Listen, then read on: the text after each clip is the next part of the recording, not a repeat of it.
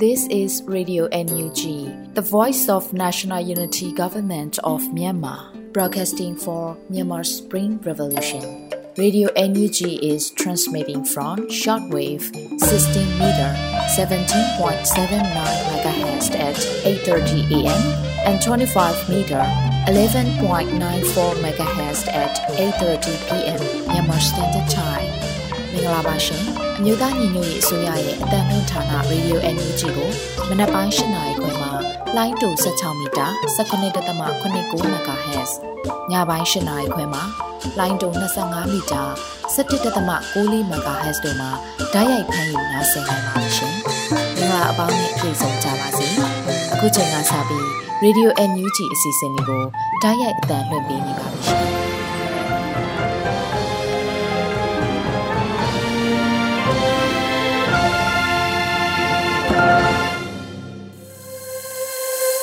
မြန်မာနိုင်ငံသူနိုင်ငံသားအပေါင်းတဘာဝဘေးစစ်အာဏာရှင်ဘေးတို့ကနေကင်းဝေးပြီးကိုယ်စိတ်နှပါကျမ်းမာလုံခြုံကြပါစေလို့ရေဒီယို NUG အဖွဲ့သားများကဆုတောင်းမြတ်တာပို့သလိုက်ရပါတယ်။အခုချိန်မှစပြီးကာကွယ်ရေးဝန်ကြီးဌာနမှထုတ်ပြန်သောစစ်ရေးသတင်းအကျဉ်းချုပ်ကိုຫນွေဦးလင်ကာမှဖတ်ကြားတင်ဆက်ပေးတော်မှာဖြစ်ပါတယ်။ ကာကွယ်ဝင်ကြီးဌာနအမျိုးသားညီညွတ်ရေးအစိုးရမှထုတ်ဝေတဲ့နေ့စဉ်စည်ရေးသတင်းချင်းချုပ်ကိုတင်ဆက်ပေးတော့မှာဖြစ်ပါတယ်။စစ်ကောင်စီနဲ့တိုက်ပွဲဖြစ်ပွားမှုသတင်းတွေကိုတင်ဆက်ပေးကြပါမယ်။စကိုင်းတိုင်းမှာဖေဖော်ဝါရီလ22ရက်နေ့ကရေမပင်မြို့နယ်နှောရိုးကျေးရွာအနီးမှာစစ်ကောင်စီခန့်စကိုင်းတိုင်းဝင်ကြီးချုပ်ရင်နှန်းကိုဒေသကာကွယ်ရေးဖွဲ့ကမိုင်းဆွဲတိုက်ခိုက်ခဲ့ရာစစ်ကောင်စီဘက်မှလက်နက်ကြီးများနဲ့ပြန်ပစ်ခဲ့ပြီးစစ်ကောင်စီဝင်ကြီးချုပ်ကိုစစ်ရဲရင်နဲ့လာရောက်ခေါ်ဆောင်သွားခဲ့ကြောင်းသိရှိရပါတယ်ခင်ဗျာ။ ဖေဖော်ဝါရီလ22ရက်နေ့နေ့လယ်2နာရီခန့်ကကောလင်းမြို့နယ်ကောလင်းမြို့အတွင်းကင်းလှည့်နေတဲ့စစ်ကောင်စီကား3စီးကိုပြည်သူ့ကာကွယ်ရေးဖွဲ့ကောလင်းကမိုင်းဆွဲတိုက်ခိုက်ခဲ့ရာနောက်ဆုံးမှလိုက်ပါလာတဲ့စစ်ကောင်စီကားတစ်စီးထိခိုက်ပျက်စီးခဲ့ကြောင်းသိရှိရပါတယ်ခင်ဗျာမကွေးတိုင်းမှာဖေဖော်ဝါရီလ22ရက်နေ့နေ့လယ်2:40မိနစ်ခန့်ကပခုတ်ကူမြို့နယ်ပခုတ်ကူမြို့အေယာဝတီတရားရှိစစ်ကောင်စီစစ်စေးဂိတ်မှာပောက်ကွဲမှုဖြစ်ပွားခဲ့ရာစစ်ကောင်စီတပ်သား၄ဦးသေဆုံးခဲ့ကြောင်းသိရှိရပါတယ်ခင်ဗျာ။ ဆက်လက်ပြီးစစ်ကောင်စီကကျူးလွန်တဲ့ရာဇဝမှုတွေကိုတင်ဆက်ပေးကြပါမယ်။ကချင်ပြည်နယ်မှာဖေဖော်ဝါရီလ20ရက်နေ့ည9နာရီခန့်ကဖားကန့်မြို့နယ်ဖားကန့်မြို့အေးမြတာယာရက်ကွက်နေအမျိုးသား၃ဦးကိုစစ်ကောင်စီတပ်နဲ့ရဲများကဖမ်းဆီးခေါ်ဆောင်သွားခဲ့ကြောင်းသိရှိရပါတယ်ခင်ဗျာ။စကိုင်းတိုင်းမှာဖေဖော်ဝါရီလ22ရက်နေ့ကပင်လယ်ဘူးမြို့နယ်ပင်လယ်ဘူးမြို့မြို့မရက်နေဒေသခံ၄ဦးအားစစ်ကောင်စီတပ်သားများကဖမ်းဆီးသွားခဲ့ကြောင်းသိရှိရပါတယ်ခင်ဗျာ။ ဖေဖော်ဝါရီလ20ရက်နေ့ညပိုင်းကဒဇယ်မြို့နယ်ကန်လေးကုန်းကြေးရွာမှာစကန်ချနေတဲ့စစ်ကောင်စီတပ်သားများထဲမှာစစ်ကောင်စီတပ်သား3ဦးကကြေးရွာတွင်းရှိအိမ်အောင်သေးအသက်20ခန်းအမျိုးသမီးငယ်2ဦးအားအာဓမာပြုကျင့်ခဲ့ကြောင်းသိရှိရပါတယ်ခင်ဗျာမကွေးတိုင်းမှာ ဖေဖော်ဝါရီလ20ရက်နေ့နေ့လယ်2:30မိနစ်ခန့်ကပခုတ်ကူမြို့နယ်ပခုတ်ကူမြို့ရှိအေယာဝတီတရားအနီးမှာအမျိုးသား2ဦးဆိုင်ကယ်စီးလာသည်ဟုဆိုကအေယာဝတီတရားမြောက်ဘက်စစ်စေးရေးဂိတ်မှာစစ်ကောင်စီတပ်သားများကတနက်နဲ့ပစ်ခတ်ဖမ်းဆီးခဲ့ပြီးဆိုင်ကယ်ပေါ်မှာလိုက်ပါလာတဲ့ကိုမျိုးဆိုသူတေဆုံးခဲ့ကြောင်းသိရှိရပါတယ်ခင်ဗျာယခုတင်ဆက်သွားတဲ့သတင်းတွေကိုမြေပြင်သတင်းတာဝန်ခံများနဲ့သတင်းဌာနတွေမှာဖော်ပြလာတဲ့အချက်အလက်တွေပေါ်အခြေခံပြုစုထားခြင်းဖြစ်ပါတယ်။ ကျွန်တော်ကတော့ຫນွေဦးလင်ပါပါ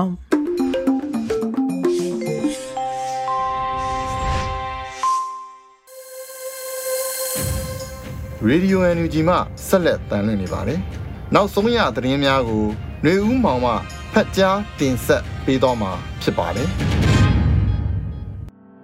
မင်္ဂလာပါခင်ဗျာ။ယခုချိန်ကစပြီး Radio NUG ပြည်တွင်သတင်းများကိုဖတ်ကြားတင်ပြပေးပါတော့မယ်။ အခုတင်ပြပေးမယ့်သတင်းတွေကတော့ Radio NUG သတင်းတာဝန်ခံတွေနဲ့ခိုင်လုံသောမိဖက်သတင်းရင်းမြစ်တွေမှာအခြေခံထားတာဖြစ်ပါတယ်။ကျွန်တော်ကတော့ຫນွေဦးမောင်ပါ။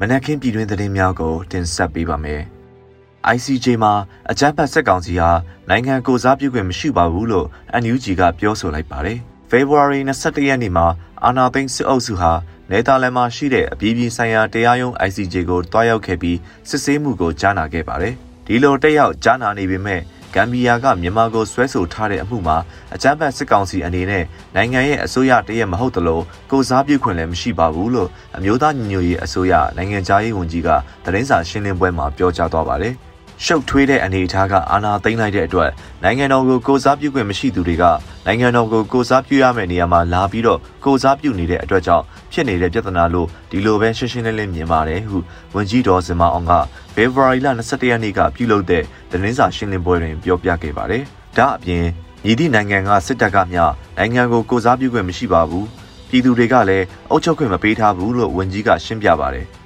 မြန်မာပြည်သူလူထုရဲ့အာဏာအနှိမ့်ချင်းခံရသောအမျိုးသားညီညွတ်ရေးအစိုးရ NUG ကသာရိုဟင်ဂျာအရေးတာမကအာဏာမသိမ်းမီနဲ့အာဏာသိမ်းမီနောက်ပိုင်းမြန်မာစစ်တပ်ကျူးလွန်သောအကြမ်းဖက်မှုများအပေါ်တရားမျှတမှုရရှိရန်စ조사နေရလို့ဆိုပါတယ်။ကျမတို့အနေနဲ့တာဝန်ယူမှုမရှိတဲ့ကျမတို့နိုင်ငံမှာဖြစ်ပေါ်သွားတဲ့ကျူးလွန်မှုတွေကိုနိုင်ငံတော်အစိုးရတရက်အနေနဲ့ပူးပေါင်းဆောင်ရွက်သွားမယ်။တရားရုံးဆုံးဖြတ်ချက်တွေကိုလိုက်နာသွားမယ်။ ကျမတို့ရည်တည်ချက်ကတရားမျှတဖို့အတွက်ပဲဖြစ်ပျက်နေတဲ့အခြေအနေတွေကိုတိုင်းပြည်ထဲမှာဖြစ်ပျက်နေတဲ့အနေအထားအတိုင်းတင်ပြသွားဖို့ရှိတယ်။နောက်ဆုံးဆုံးဖြတ်ချက်ကတရားသူကြီးတွေကချမှတ်ရမှာဖြစ်တယ်။တရားသူကြီးတွေကချမှတ်လိုက်တဲ့တရားရုံးဆုံးဖြတ်ချက်ကိုလည်းကျမတို့အနေနဲ့ပူးပေါင်းဆောင်ရွက်သွားမှာဖြစ်ပါတယ်ဟုဝန်ကြီးဒေါ်စင်မအောင်ကပြောပါတယ်။ NUG ဟာ ICJ မှာမြန်မာကိုစားပြုတက်ရောက်ရှင်းလင်းရန်အကြောင်းကြားစာပေးဖို့ကြိုးပမ်းနေတော့လဲလက်ရှိအချိန်ထိရုံးတော်ရဲ့အကြောင်းပြန်ကြားချက်မရရှိသေးပါဘူး။ အကြမ်းဖက်စစ်ကောင်စီက ICJ ရုံးတော်၏စင်ကောစာရရှိထားတာဖြစ်လို့၎င်းတို့ရဲ့ကိုယ်စားလှယ်အဖွဲ့ကိုဆေးလွတ်ထားပြီးအချို့ကတော့ online မှာတဆင့်တက်ရောက်ရှင်းလင်းမည်ဟုသတင်းထုတ်ပြန်ထားတာသိရပါတယ်ခင်ဗျာဆက်လက်ပြီး Federal Democracy စနစ်မိတ်ဆက်ပွဲကိုနှစ်ရက်ကြာကျင်းပမယ့်သတင်းတပုတ်တင်ပြဖို့ရှိပါတယ်ပြည်သူရင်ခွင်ကိုခိုးလုံပြီး CDM ပြုလုပ်ထားကြတဲ့တရားရေးဝန်ထမ်းတွေကိုထောက်ပံ့နိုင်ရေးရန်ပုံငွေရှာဖွေနိုင်မှုနဲ့ဥပဒေပညာကိုပြည်သူလူထုလေ့လာနိုင်စေရေးအတွက် မြန်မာနိုင်ငံလုံးဆိုင်ရာပြည်သူ့တရားရေးဝန်ထမ်းများအဖွဲ့အစည်း NBJSO ကနှစ်ရက်အကြာပြုလုပ်မဲ့ပွဲဖြစ်ပါတယ်။မြန်မာနိုင်ငံလုံးဆိုင်ရာပြည်သူ့တရားရေးဝန်ထမ်းများအဖွဲ့အစည်း NBJSO ဟာအမျိုးသားညီညွတ်ရေးအစိုးရတရားရေးဝန်ကြီးဌာနနဲ့ချိတ်ဆက်လှုပ်ဆောင်နေတဲ့အဖွဲ့အစည်းတစ်ခုလည်းဖြစ်ပါတယ်။ Federal Democracy Mix-up ပွဲကို February 26နဲ့28ရက်နေ့တွေမှာပြုလုပ်မှာဖြစ်ပြီးရန်ပုံငွေရှာမျှဝေရလို့လည်းအမည်ပေးထားပါတယ်။ ဖေဖော်ဝါရီ26ရက်နေ့မှာ Federal မိတ်ဆက်နဲ့ American နိုင်ငံရဲ့ Federal တရားရုံးစနစ်အကြောင်းဆွေးနွေးပို့ချမှာဖြစ်ပါတယ်။ဒေါ်လန်ရေးတရက်မှာဆိုလျင်ဒေါ်လန်ကကွယ်တိုက်ခတ်ရေးနဲ့နယ်မြေသိမ့်ပိုက်စိုးမိုးရေးဟာအဓိကအကျဆုံးနဲ့အလေးနဲ့အထားရဆုံးကိစ္စဖြစ်တဲ့ကဲ့သို့၎င်းရလဒ်များအပေါ်တရားဝင်မှုနဲ့စီးနှောင်မှုအားရှိကြောင်းပြသရန်တရားစီရင်ရေးဆိုင်ရာကိစ္စအဝါဝါသည်အဓိကကျသောအခမ်းကဏ္ဍတစ်ရပ်ဖြစ်ပါတယ်။ဒါကြောင့် NBJSO အဖွဲ့ဟာ အမျိုးသားညီညွတ်ရေးအစိုးရရဲ့တရားစီရင်ရေးဆိုင်ရာကိစ္စရပ်တွေမှာအားစိုက်ကြိုးပမ်းပြီးတော်လှန်ရေးခရီးကိုရှောက်လှမ်းနေတာဖြစ်ပါကြောင်းတင်ပြအပ်ပါတယ်လို့ဦးကောင်းမြတ်သူကလူမှုຫນွေဦးမီဒီယာကိုပြောကြားခဲ့ပါတယ်။မြန်မာနိုင်ငံလုံးဆိုင်ရာပြည်သူ့တရားရေးဝန်ထမ်းများအဖွဲ့အစည်း NBJSO က CDM ပြုလုပ်ထားတဲ့တရားရုံးအမှုထမ်းတွေတရားရေးအရာရှိတရားသူကြီးတွေနဲ့ဖွဲ့စည်းထားပြီးလွတ်မြောက်နေမြေမှာရုံးခန်းတည်ရှိပါတယ်။ရန်ကုန်ငွေရှာမျှဝေရာကိုတက်ရောက်လူသူများအနေနဲ့ NBJSO လူမှုကွန်ရက်စာမျက်နှာတွေမှာ February 25ရက်ညနေ4:30မိနစ်နောက်ဆုံးထားပြီးကြိုတင်စည်ရင်းပေးသွင်းရမယ်လို့လည်းဆိုပါတယ်။ကျွန်တော်တို့အဖွဲ့အစည်းအနေဖြင့် CDN ဝန်ထမ်းများဖြင့်စုဖွဲ့ထားရသည့်အတွက်လူမှုဘဝစာဝန်နေရေးဆိုင်ရာအခြေခံလိုအပ်ချက်အခက်အခဲများရင်ဆိုင်ကျော်ဖြတ်နေရပါတယ်။အမျိုးသားညီညွတ်ရေးအစိုးရရဲ့တင့်တယ်လျောက်ပတ်သောအထောက်ပံ့ရရှိပါတော့လဲအခက်အခဲများကတော့ရှိနေသေးပဲဖြစ်ပါတယ်လို့ဦးကောင်းမြတ်သူကပြောပြထားပါတယ်။ ဦးကောင်းမြတ်သူကစကိုင်းတိုင်းဒေသကြီးချောင်းဦးမြို့နယ်တွဲဖက်မြို့နယ်တရားသူကြီးဖြစ်ပြီးစစ်အာဏာရှင်ဆန့်ကျင်ရေး CDM ပြုလုပ်ကာအမျိုးသားညီညွတ်ရေးအစိုးရထံတွင်တာဝန်ထမ်းဆောင်နေသူတဦးလည်းဖြစ်ပါတယ်ခင်ဗျာ Donald Revel DOR ရဲ့ပထမဆုံးခြေလှမ်းအဖြစ်ရန်ကုန်ငွေဝဲတစ်ခုစီစဉ်ထားတဲ့တဲ့တင်ကိုထပ်မံတင်ပြပေးပါမယ်။ မြမနွေဦးဒေါ်လန်ရေးရဲ့လိုအပ်ချက်တွေကိုတစ်ဖက်တစ်လမ်းကဖြည့်ဆည်းပေးဖို့ Dawn of Revo DOR ရဲ့ပထမဆုံးခြေလှမ်းအဖြစ်ရန်ပုံငွေပွဲတစ်ခုစီစဉ်ထားပါတယ်လို့အမျိုးသားညီညွတ်ရေးအစိုးရကဖေဖော်ဝါရီလ22ရက်နေ့ကထုတ်ပြန်ထားပါတယ်။အဲ့ဒီရန်ပုံငွေပွဲကိုမတ်လ23ရက်မြန်မာနိုင်ငံလူအခွင့်အရေးများနေ့မှာကျင်းပမှာဖြစ်ပြီးပြည်သူ့ဘက်တော်သားအမှုပညာရှင်များကသူတို့ရဲ့အတွေ့အကြုံတွေကိုမျှဝေရင်းပြည်တွင်းပြည်ပပကြီးဆရာဓာတ်ပုံဆရာများရဲ့ပကြီးကားတွေနဲ့ဓာတ်ပုံတွေကိုကတ်ဆမ်းမဲဖောက်ပေးကြမှာပါ။ ပထမဆုအဖြစ်မဲဖောက်ပေးမဲ့ဒေါ်အောင်ဆန်းစုကြည်ရဲ့ပုံတူပကြီးကားကိုဆီယာမနုရင်ကအသေးစိတ်ရေးဆွဲချေမုံပေးထားပြီးပကြီးကားရဲ့အမည်ကိုတော့ The Dawn of Hope လို့ပေးထားပါတယ်။အရွယ်အစားက30-40 cm ရှိပြီး canvas မှာ acrylic ဆေးနဲ့ရေးဆွဲထားတာဖြစ်ပါတယ်။အဲ့ဒီပကြီးကားအပြင်အခြားသောပြည်တွင်းပြည်ပပကြီးဆရာဓာတ်ပုံဆရာများရဲ့အမှုပညာမြောက်ပကြီးကားတွေဓာတ်ပုံတွေကိုလည်းကန်ဆမ်းမဲဖောက်ပေးကြမှာဖြစ်ပါတယ်။ ကန်ဆယ်မဲလက်မှတ်တွေရဲ့နိုင်ငံအလိုက်ဈေးနှုန်းကိုအခုလိုသတ်မှတ်ထားပြီး Dawn of Revo page ကနေတဆင့်တော်၎င်း DOR ရဲ့အဖွဲ့သားတွေကတဆင့်တော်၎င်းဆက်သွယ်ဝယ်ယူနိုင်ပါတယ်ခင်ဗျာ American 20 US dollar Singapore 20 Singapore dollar Australia 20 Australian dollar New Zealand 20 New Zealand dollar England 20 pounds Thai နိုင်ငံ200 baht မြန်မာနိုင်ငံ1000ကျပ် Brunei 20 BD Korea 10,000 won Japan 1000 yen အခုလိုအမှုပညာလက်ရာမြောင်းလာတဲ့ပကြီးကားနဲ့အတူအခြားသောပကြီးကားများတပ်ပုံများကိုအမတ်တရရယူပိုင်ဆိုင်နိုင်မှုအတွက်ကန်ဆယ်မဲလက်မှတ်တွေဝယ်ယူအားပေးရင်ဒေါ်လာရေးလိုအပ်ချက်တွေကိုတထောင်တနေရာကနေပါဝင်အားဖြည့်ကူညီပေးကြဖို့မြစ်တာရက်ခံတိုက်တွန်းလိုပါတယ်ဆိုတဲ့အကြောင်းအမျိုးသားညီညွတ်ရေးအစိုးရကအသိပေးထုတ်ပြန်လိုက်ပါတယ်ခင်ဗျာ။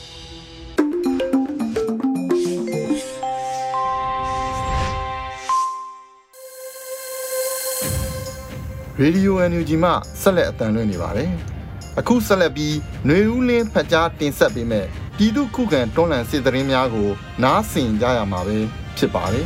။ပထမဦးစွာစစ်ကောင်စီတပ်ဖွဲ့များ၏မိဘဆွေမျိုးများကိုခုံလုံခွင့်ပေးထား၍ဝမ်ပေါင်ကုမ္ပဏီလုပ်ငန်းခွင်ကိုရှော့တိုက်လက်နက်ဖြင့်ပြစ်ခတ်တဲ့တရင်ကိုတင်ဆက်မှာပါ။စကိုင်းတိုင်းစားလင်းကြီးမြို့နယ်တရုတ်ဝမ်ပိုင်ကုမ္ပဏီ၏ ဂျင်းနီဒူးဖော်လောက်ကွက်တစ်ခုကိုဖေဖော်ဝါရီလ20ရက်နေ့ကရှော့တိုက်လက်နက်ဖြင့်ပစ်ခတ်ခဲ့ကြောင်းမုံရွာခြေဆိုင်မုံရွာ Red Fire PDF ကပြောပါတယ်။ဝမ်ပေါင်ကုမ္ပဏီကစစ်ကောင်စီတပ်ဖွဲ့၏ဇနီးဆွေမျိုးများနဲ့တားသမီးများကိုခုံလုံခွင့်ပေးထားသဖြင့်ရင်းတို့သတိပေးပစ်ခတ်တိုက်ခတ်ခဲ့ခြင်းဖြစ်ကြောင်းအထိကိရှိမရှိမသိရသေးကြောင်းမုံရွာ Red Fire PDF ကပြောဆိုပါတယ်။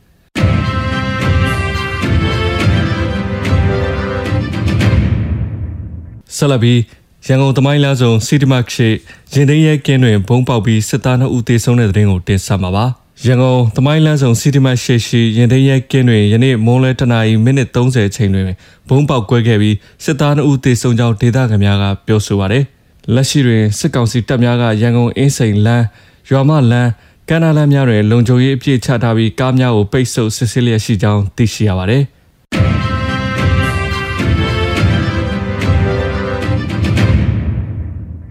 စစ်ကောင်စီခန့်စကိုင်းတိုင်းဝန်ကြီးချုပ်မြတ်ကျော်ရင်တန်းမိုင်းဆွဲတိုက်ခိုက်ခံရပြီးတချို့ထိခိုက်ဒေဆုံးမှုရှိပြီးဝန်ကြီးချုပ်မြတ်ကျော်ကို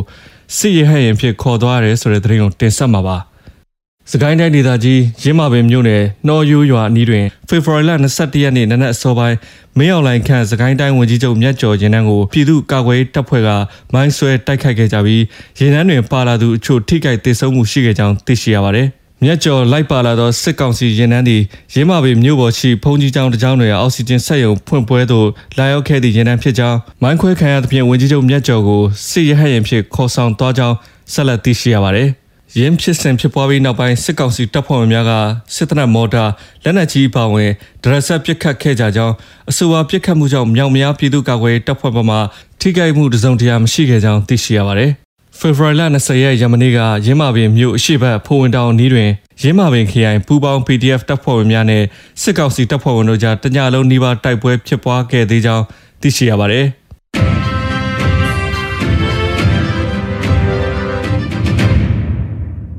နောက်ဆုံးအနေနဲ့ အမျိုးသားညီညွတ်ရေးဆိုရာပြည်ထောင်နဲ့လူမှုကြီးကြပ်ရေးဝန်ကြီးဌာနက2022ခုနှစ်ဖေဖော်ဝါရီလ21ရက်ရက်စွဲနဲ့ထုတ်ပြန်တဲ့ပြည်သူ့ခုခံတော်လှန်စစ်သတင်းချက်လက်တွေကိုတင်ဆက်ပေးသွားမှာပါ။အာဏာသိမ်းအကြမ်းဖက်စစ်အုပ်စု၏ပြည်သူလူထုပေါ်အကြမ်းဖက်ဖိနှိပ်ဖမ်းဆီးတိုက်ခိုက်တပ်ဖြတ်နေမှုများကိုပြည်သူလူထုတရက်လုံးကအသက်ရှင်တန်ရေးအတွက်မိမိကိုယ်ကိုမိမိခုခံကာကွယ်ပိုင်ခွင့်ရာပြည်သူခုခံစစ် People Defenses War ကိုဆင်နွှဲလျက်ရှိပါတယ်။သတင်းချက်လက်များရာ 20ရက်2လ2022ခုနှစ်နေ့ရက်တွင်စစ်ကောင်စီတပ်ဖွဲ့ဝင်83ဦးသေဆုံးပြီးထိခိုက်ဒဏ်ရာရရှိသူ16ဦးထိခုခံတိုက်ခိုက်နိုင်ခဲ့ပါတယ်။စစ်အာဏာရှင်စနစ်မြမမြေပေါ်မှာအပိတိုင်ချုပ်ငြိမ်းရေးနဲ့ Federal Democracy စနစ်တည်ဆောက်ရေးအတွက်ငြိမ်းချမ်းစွာဆန္ဒပြသည့်လူထုတပိတ်တိုက်ပွဲများကပြည်내နဲ့တိုင်းဒေသကြီးများမှာဖြစ်ပွားပေါ်ပေါက်လျက်ရှိပါတယ်။မြေပြင်မှာယခုတွေ့ရတဲ့သတင်းချက်လက်များထက်ပို၍ဖြစ်ပွားနိုင်ပါတယ်ခင်ဗျာ။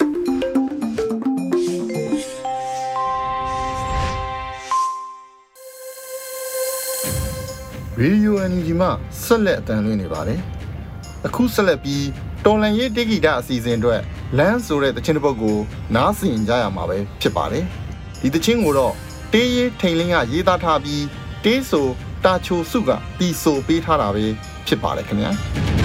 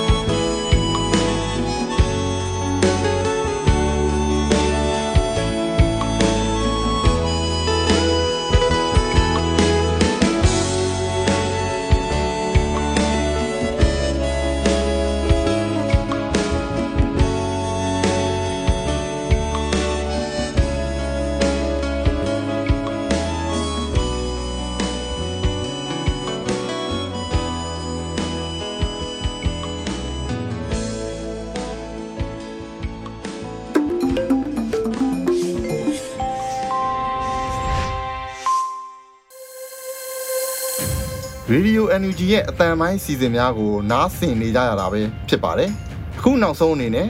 နေ့စဉ်သတင်းများကိုထက်ထက်အင်ဒရာအောင်မှဖတ်ကြားတင်ဆက်ပေးမှာပဲဖြစ်ပါတယ်ပထမဆုံးတင်ဆက်ပေးမှာကတော့စစ်ဘေးရှောင်မတန်ဆွမ်းသူတွေအတွက်လူသားချင်းစာနာထောက်ထားရေးနဲ့ဘေးရန်ရေးဆိုင်ရာစီမံခန့်ခွဲရေးဝန်ကြီးဌာနကကုညီထောက်ပံ့မှုတွေပြုလုပ်နေတဲ့ဆိုတဲ့သတင်းမှာ အမျိုးသားညီညွတ်ရေးအစိုးရလူသားချင်းစာနာထောက်ထားရေးနဲ့ဘေးရန်ရေးဆိုင်ရာစီမံခန့်ခွဲရေးဝန်ကြီးဌာနအနေနဲ့တော်လှန်ရေးကာလအတွင်းမှာမတန်ဆွမ်းသူအရေးအတွက်ချမ်းလက်ထားခြင်းမရှိဘဲနဲ့လူသားချင်းစာနာထောက်ထားမှုဆိုင်ရာအရေးပေါ်ကူညီမှုတွေကိုပြုလုပ်ပေးနေတယ်ဆိုပြီးတော့သတင်းထုတ်ပြန်ထားပါတယ်။ဝင်ကြီးဌာနအနေနဲ့ပြည်သူ့အုပ်ချုပ်ရေးအဖွဲ့အစည်းတွေဝင်ကြီးဌာနရဲ့မြေပြင်အဖွဲ့သားတွေကချိတ်ဆက်စည်းရင်ကောက်ယူရရှိလာတဲ့စစ်ဘေးရှောင်မတန်ဆွမ်းတွေစားဝတ်နေရေးရက်တီဖို့အခက်အခဲရှိနေတဲ့မတန်ဆွမ်းတွေအတွက် ပံ့ပိုးကူညီမှုတွေပြုလုပ်နေတယ်လို့ဆိုပါတယ်။ဒါအပြင်တော်လှန်ရေးကာလမတန်ဆွမ်းသူတွေရဲ့အခွင့်အရေးတွေဖော်ဆောင်ဖို့ဖွဲ့စည်းထားတဲ့မတန်ဆွမ်းသူတွေခွင့်တူညီမျှညှိနှိုင်းဆောင်ရွက်ရေးကော်မတီနဲ့ပူးပေါင်းပြီးတော့အတက်နိုင်ဆုံးစ조사ပံ့ပိုးပေးနေတယ်ဆိုပြီးတော့လဲလူသားချင်းစာနာထောက်ထားရေးနဲ့ဘေးရန်ရဲ့ဆိုင်ရာစီမံခန့်ခွဲရေးဝန်ကြီးဌာနကသတင်းထုတ်ပြန်ထားပါတယ်။ဒါအပြင်အခက်အခဲအကန့်အသတ်များစွာတွေကဆောင်ရွက်နေရတဲ့အတွက်အလုံးလွှမ်းခြုံမိဖို့အရေးအများကြီးလှုံ့ဆော်ရမှာဖြစ်တယ်လို့လည်းဖော်ပြထားတာကိုတွေ့ရပါတယ်။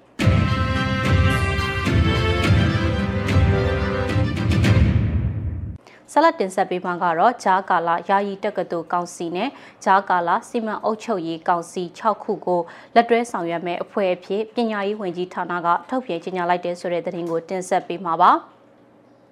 အမျိုးသားညီညွတ်ရေးအစိုးရပညာရေးဝန်ကြီးဌာနကဂျာကာလာယာယီတက္ကသိုလ်ကောင်စီနဲ့ဂျာကာလာစီမံအုပ်ချုပ်ရေးကောင်စီ6ခုကိုသူတို့နဲ့လက်တွဲလှုပ်ဆောင်မဲ့အဖွဲ့တွေဖြစ်တယ်လို့ဖေဖော်ဝါရီလ20ရက်ရက်စွဲနဲ့သတင်းထုတ်ပြန်ကြေညာထားပါတယ်။ထုတ်ပြန်ချက်မှာပညာရေးဝန်ကြီးဌာနသို့ဂျာကာလာယာယီတက္ကသိုလ်ကောင်စီဖွဲ့စည်းပြီးဖြစ်ကြောင်းကိုပြီးခဲ့တဲ့2021ခုနှစ်အောက်တိုဘာလ23ရက်ကနေ2022ခုနှစ်ဖေဖော်ဝါရီလ20ရက်နေ့အထိပေးပို့လာတဲ့အောက်ဖော်ပြပါဂျာကာလာယာယီတက္ကသိုလ်ကောင်စီတွေနဲ့ဂျာကာလာစီမံအုပ်ချုပ်ရေးကောင်စီတွေကိုအတိအမှတ်ပြုတဲ့ဆိုတာကိုဖော်ပြထားပြီးတော့ဝင်ကြီးဌာနရဲ့မျှော်မှန်းချက်ရည်မှန်းချက်နဲ့မဟာဗျူဟာမူဝါဒနဲ့အညီဝင်ကြီးဌာနရဲ့စုပေါင်းအကောင့်ထဲပေါ်ဆောင်ရွက်မဲ့လုပ်ငန်းစဉ်တွေမှာဂျာကာလာယာယီတက္ကသိုလ်ကောင်စီတွေနဲ့အတူပူးပေါင်းလက်တွဲဆောင်ရွက်သွားမှာဖြစ်တယ်လို့ကြေညာချက်မှာဖော်ပြထားပါတယ်။ ပူပေါင်းလက်တွဲဆောင်ရွက်မယ်ဂျာကာလာယာယီတက္ကသိုလ်ကောင်စီနဲ့ဂျာကာလာစီမံအုပ်ချုပ်ရေးကောင်စီ6ခုကတော့ဗမော်တက္ကသိုလ်ကောင်စီတောင်ကုတ်တက္ကသိုလ်ဂျာကာလာယာယီတက္ကသိုလ်ကောင်စီဤပညာတက္ကသိုလ်ပခုတ်ကူတက္ကသိုလ်ကောင်စီယာယီမော်လမြိုင်ပညာရေးဒီဂရီကောလိပ်ယာယီအုပ်ချုပ်ရေးကောင်စီအမှုပညာအထက်တန်းကျောင်းဂျာကာလာယာယီပညာရေးကောင်စီနဲ့အစိုးရစက်မှုလက်မှုသိပ္ပံခန့်ကောယာယီကျောင်းအုပ်ချုပ်ရေးကောင်စီတို့လို့ထုတ်ပြန်ချက်မှာဖော်ပြထားပါတယ်။ ဂျာကာလာယာယီတက္ကသိုလ်ကောင်စီဒါမှမဟုတ်ဂျာကာလာယာယီအုပ်ချုပ်ရေးကောင်စီများဖွဲ့စည်းပြီးတော့လဲအီးမေးလ်ပေးဖို့ရန်ကြံရှိတဲ့ကျောင်းတွေနဲ့ဖွဲ့စည်းဖို့ကြံရှိတဲ့တက္ကသိုလ်ကောလိပ်သိပ္ပံကျောင်းတွေကဂျာကာလာယာယီတက္ကသိုလ်ကောင်စီတွေ သို့မဟုတ်ဂျာကာလာယာယီစီမံအုပ်ချုပ်ရေးကောင်စီတွေဖွဲ့စည်းပြီးပါကဖွဲ့ sii ပြီးကြောင်းကို moe@nugmyanmar.org ကိုအီးမေးလ်နဲ့ဆက်သွယ်ပေးပို့နိုင်တယ်ဆိုတာနဲ့ဆက်သွယ်ပေးပို့လာမှုတိုင်းကိုအတိအမှတ်ပြုကြောင်းကိုလည်းနောက်ဆက်တွဲသတင်းထုတ်ပြန်မှုတွေလုပ်ပေးမှာဖြစ်တယ်လို့ဖော်ပြထားပါတယ်။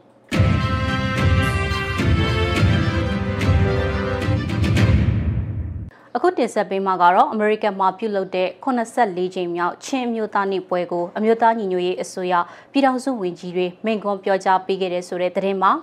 အမေရိကန်ပြည်ထောင်စုဝါရှင်တန် DC area မှာ84ကြိမ်မြောက်ချင်းမျိုးသားနေ့ပွဲတော်ကိုဖေဖော်ဝါရီ19ရက်နေ့ကကျင်းပပြုလုပ်ခဲ့ပါတယ်။ အဲ့ဒီ84ချိန်မြောက်ချင်းမျိုးသားနေ့ပွဲတော်ကိုအမျိုးသားညီညွတ်ရေးအစိုးရဆက်တော်ရေးတည်င်းချက်လက်နဲ့ဤပညာဝန်ကြီးဌာနပြည်ထောင်စုဝန်ကြီးဦးထင်လင်းအောင်နဲ့အပြည်ပြည်ဆိုင်ရာပူးပေါင်းဆောင်ရွက်ရေးဝန်ကြီးဌာနပြည်ထောင်စုဝန်ကြီးဒေါက်တာဆက်စာတို့ကမိန့်ခွန်းပြောကြားခဲ့ပါတယ်။အခမ်းအနားအစီအစဉ်ကိုဆုတောင်းမှုနဲ့အစပြုခဲ့ကြပြီးဒေသခံ musician အဖွဲ့တစ်ခုက American နဲ့မြန်မာပြည်နိုင်ငံတော်တချင်းကိုတီးခတ်တင်ဆက်ပြီးချင်း communities of USA ရဲ့ leader တအူကအဖွင့်အမှားစကားပြောကြားခဲ့ပါတယ်။ ချင်းမျိုးသားနေ့ဖြစ်ပေါ်လာပုံအကျဉ်းချုပ်ຫນွေဦးတော်လှန်ရေးနဲ့ချင်းလူမျိုးများအကြောင်းနွေဦးတော်လှန်ရေးမှာချင်းပြည်နယ်မှာရက်တီပါဝင်မှုအကြောင်းတွေကိုပြောကြားပြီးတော့နွေဦးတော်လှန်ရေးမှာကြာဆုံးသွားတဲ့သူရဲကောင်းတွေကိုအောက်မေ့တဲ့အနေနဲ့10မိနစ်တိတ်ဆိတ်ခြင်းနဲ့ဂုဏ်ပြုကြပါရယ်ဆက်လက်ပြီးတော့လဲမြန်မာပြည်အတွက်အထူးဆုတောင်းခြင်းကိုပြုလုပ်ခဲ့ပါသေးတယ်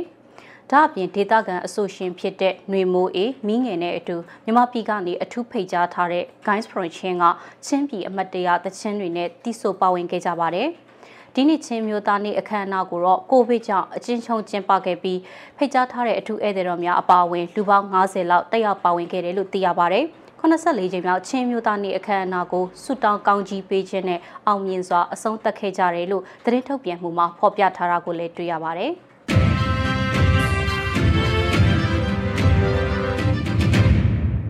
Federal Democracy စနစ်မိတ်ဆက်ပွဲကိုမြန်မာနိုင်ငံလုံးဆိုင်ရာပြည်သူတရားရေးဝန်ထမ်းများအဖွဲ့အစည်းကနှစ်ရက်ကြာပြုလုပ်မယ်ဆိုတဲ့သတင်းကိုဆက်လက်တင်ဆက်ပေးပါမယ်။ပြည်သူ့ရှင်ဝင်ကိုခိုလုံပြီးတော့ CDN ပြုလုပ်ထားကြတဲ့တရားရေးဝန်ထမ်းတွေကိုထောက်ပံ့နိုင်ရေးရန်မငွေရှာဖွေနိုင်ဖို့နဲ့ဥပဒေပညာကိုပြည်သူလူထုလေ့လာနိုင်စေရေးအတွက်ရည်ရွယ်ပြီးတော့မြန်မာနိုင်ငံလုံးဆိုင်ရာပြည်သူတရားရေးဝန်ထမ်းများအဖွဲ့အစည်း NPGSO Federal Democracy မိတ်ဆက်ပွဲကိုနှစ်ရက်တာပြုလုပ်မယ်လို့သတင်းထုတ်ပြန်ပါတယ်။ မြန်မာနိုင်ငံလုံးဆိုင်ရာပြည်သူတရားရေးဝန်ထမ်းများအဖွဲ့အစည်း NPGSO ကအမျိုးသားညီညွတ်ရေးအစိုးရတရားရေးဝန်ကြီးဌာနနဲ့ချိတ်ဆက်လှုပ်ဆောင်နေတဲ့အဖွဲ့အစည်းတစ်ခုလည်းဖြစ်ပါတယ်။ရန်ပုံငွေရှာမျှဝေရလို့အမည်ပေးထားတဲ့ Federal Democracy မိတ်ဆက်ပွဲကို February 26ရက်နေ့နဲ့29ရက်နေ့မှာပြုလုပ်သွားမှာပါ။ဖေဖော်ဝါရီလ26ရက်နေ့မှာ Federal မိတ်ဆက်နဲ့ American နိုင်ငံရဲ့ Federal တရားရုံးစနစ်အကြောင်းကိုဆွေးနွေးပို့ချမှာဖြစ်ပါတယ်။ NPGS ဆိုရဲ့ဥက္ကဋ္ဌဖြစ်သူဦးကောင်းမြတ်သူကတော်လှန်ရေးတရက်မှာဆိုရင်တွန်းလှန်ကာကွယ်တိုက်ခိုက်ရေးနဲ့နေမြေသိမ့်ပိုက်ဆွမှုရေးဟာအဓိကအကြဆုံးနဲ့အလေးအနက်ထားရဆုံးကိစ္စဖြစ်တယ်လို့၎င်းရဲ့ရလဒ်ပေါ်တရက်ဝင်မှုနဲ့စီးနှောင်မှုအားရှိကြောင်းပြသရန်တရားစီရင်ရေးဆိုင်ရာကိစ္စအဝဝသည့်အဓိကကြသောအခမ်းကဏ္ဍတရက်ဖြစ်ပါတယ်။ဒါကြောင့် NPGS ဆိုအဖွဲ့ဟာဆိုရင်အမျိုးသားညီညွတ်ရေးအစိုးရရဲ့တရားစီရင်ရေးဆိုင်ရာကိစ္စရပ်တွေမှာအားစိုက်ကြိုးပမ်းပြီးတော့တော်လှန်ရေးခရီးကိုရှောင်လန်းနေတာဖြစ်တယ်လို့ပြောပါတယ်။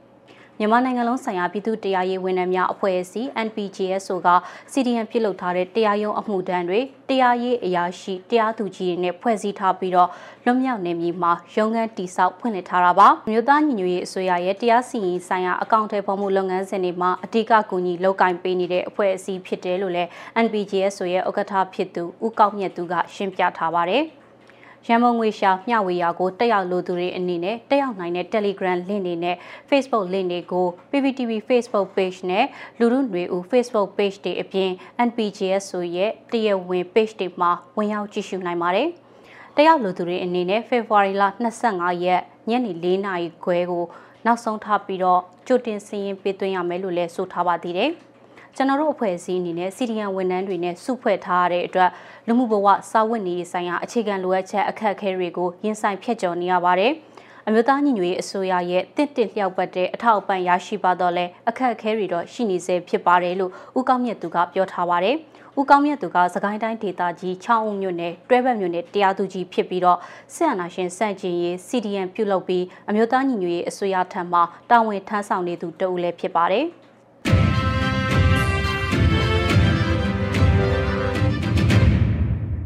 အခုနောက်ဆုံးအနေနဲ့မြန်မာနိုင်ငံတဝန်းကလူမျိုးပေါင်းစုံဘာသာပေါင်းစုံပါဝင်တဲ့စစ်အာဏာရှင်အမြင့်ပြည့်ချေမှုန်ရေးလူထုဆန္ဒပြပွဲသတင်းတွေကိုစုစည်းတင်ဆက်ပေးတော့မှာပါ။စကိုင်းတိုင်းရင်းမပင်အရှိချမ်းနဲ့ဆလင်းကြီးမြောက်ချမ်းကရွာပေါင်းစုံတပိတ်စစ်ကြောင်းဟာဒီကနေ့မနက်မှာစစ်အာဏာရှင်စန့်ကျင်ရေးဆန္ဒပြခဲ့ပါတယ်။ဆန္ဒပြပြည်သူတွေကနိုင်ငံတစ်ကိုရဲရဲတိဆောက်ကြဆိုတဲ့စာသားတွေကိုကင်ဆွဲပြီးဆန္ဒပြတပိတ်မှောက်ချီတက်လှည့်လည်ခဲ့တာပါ။မ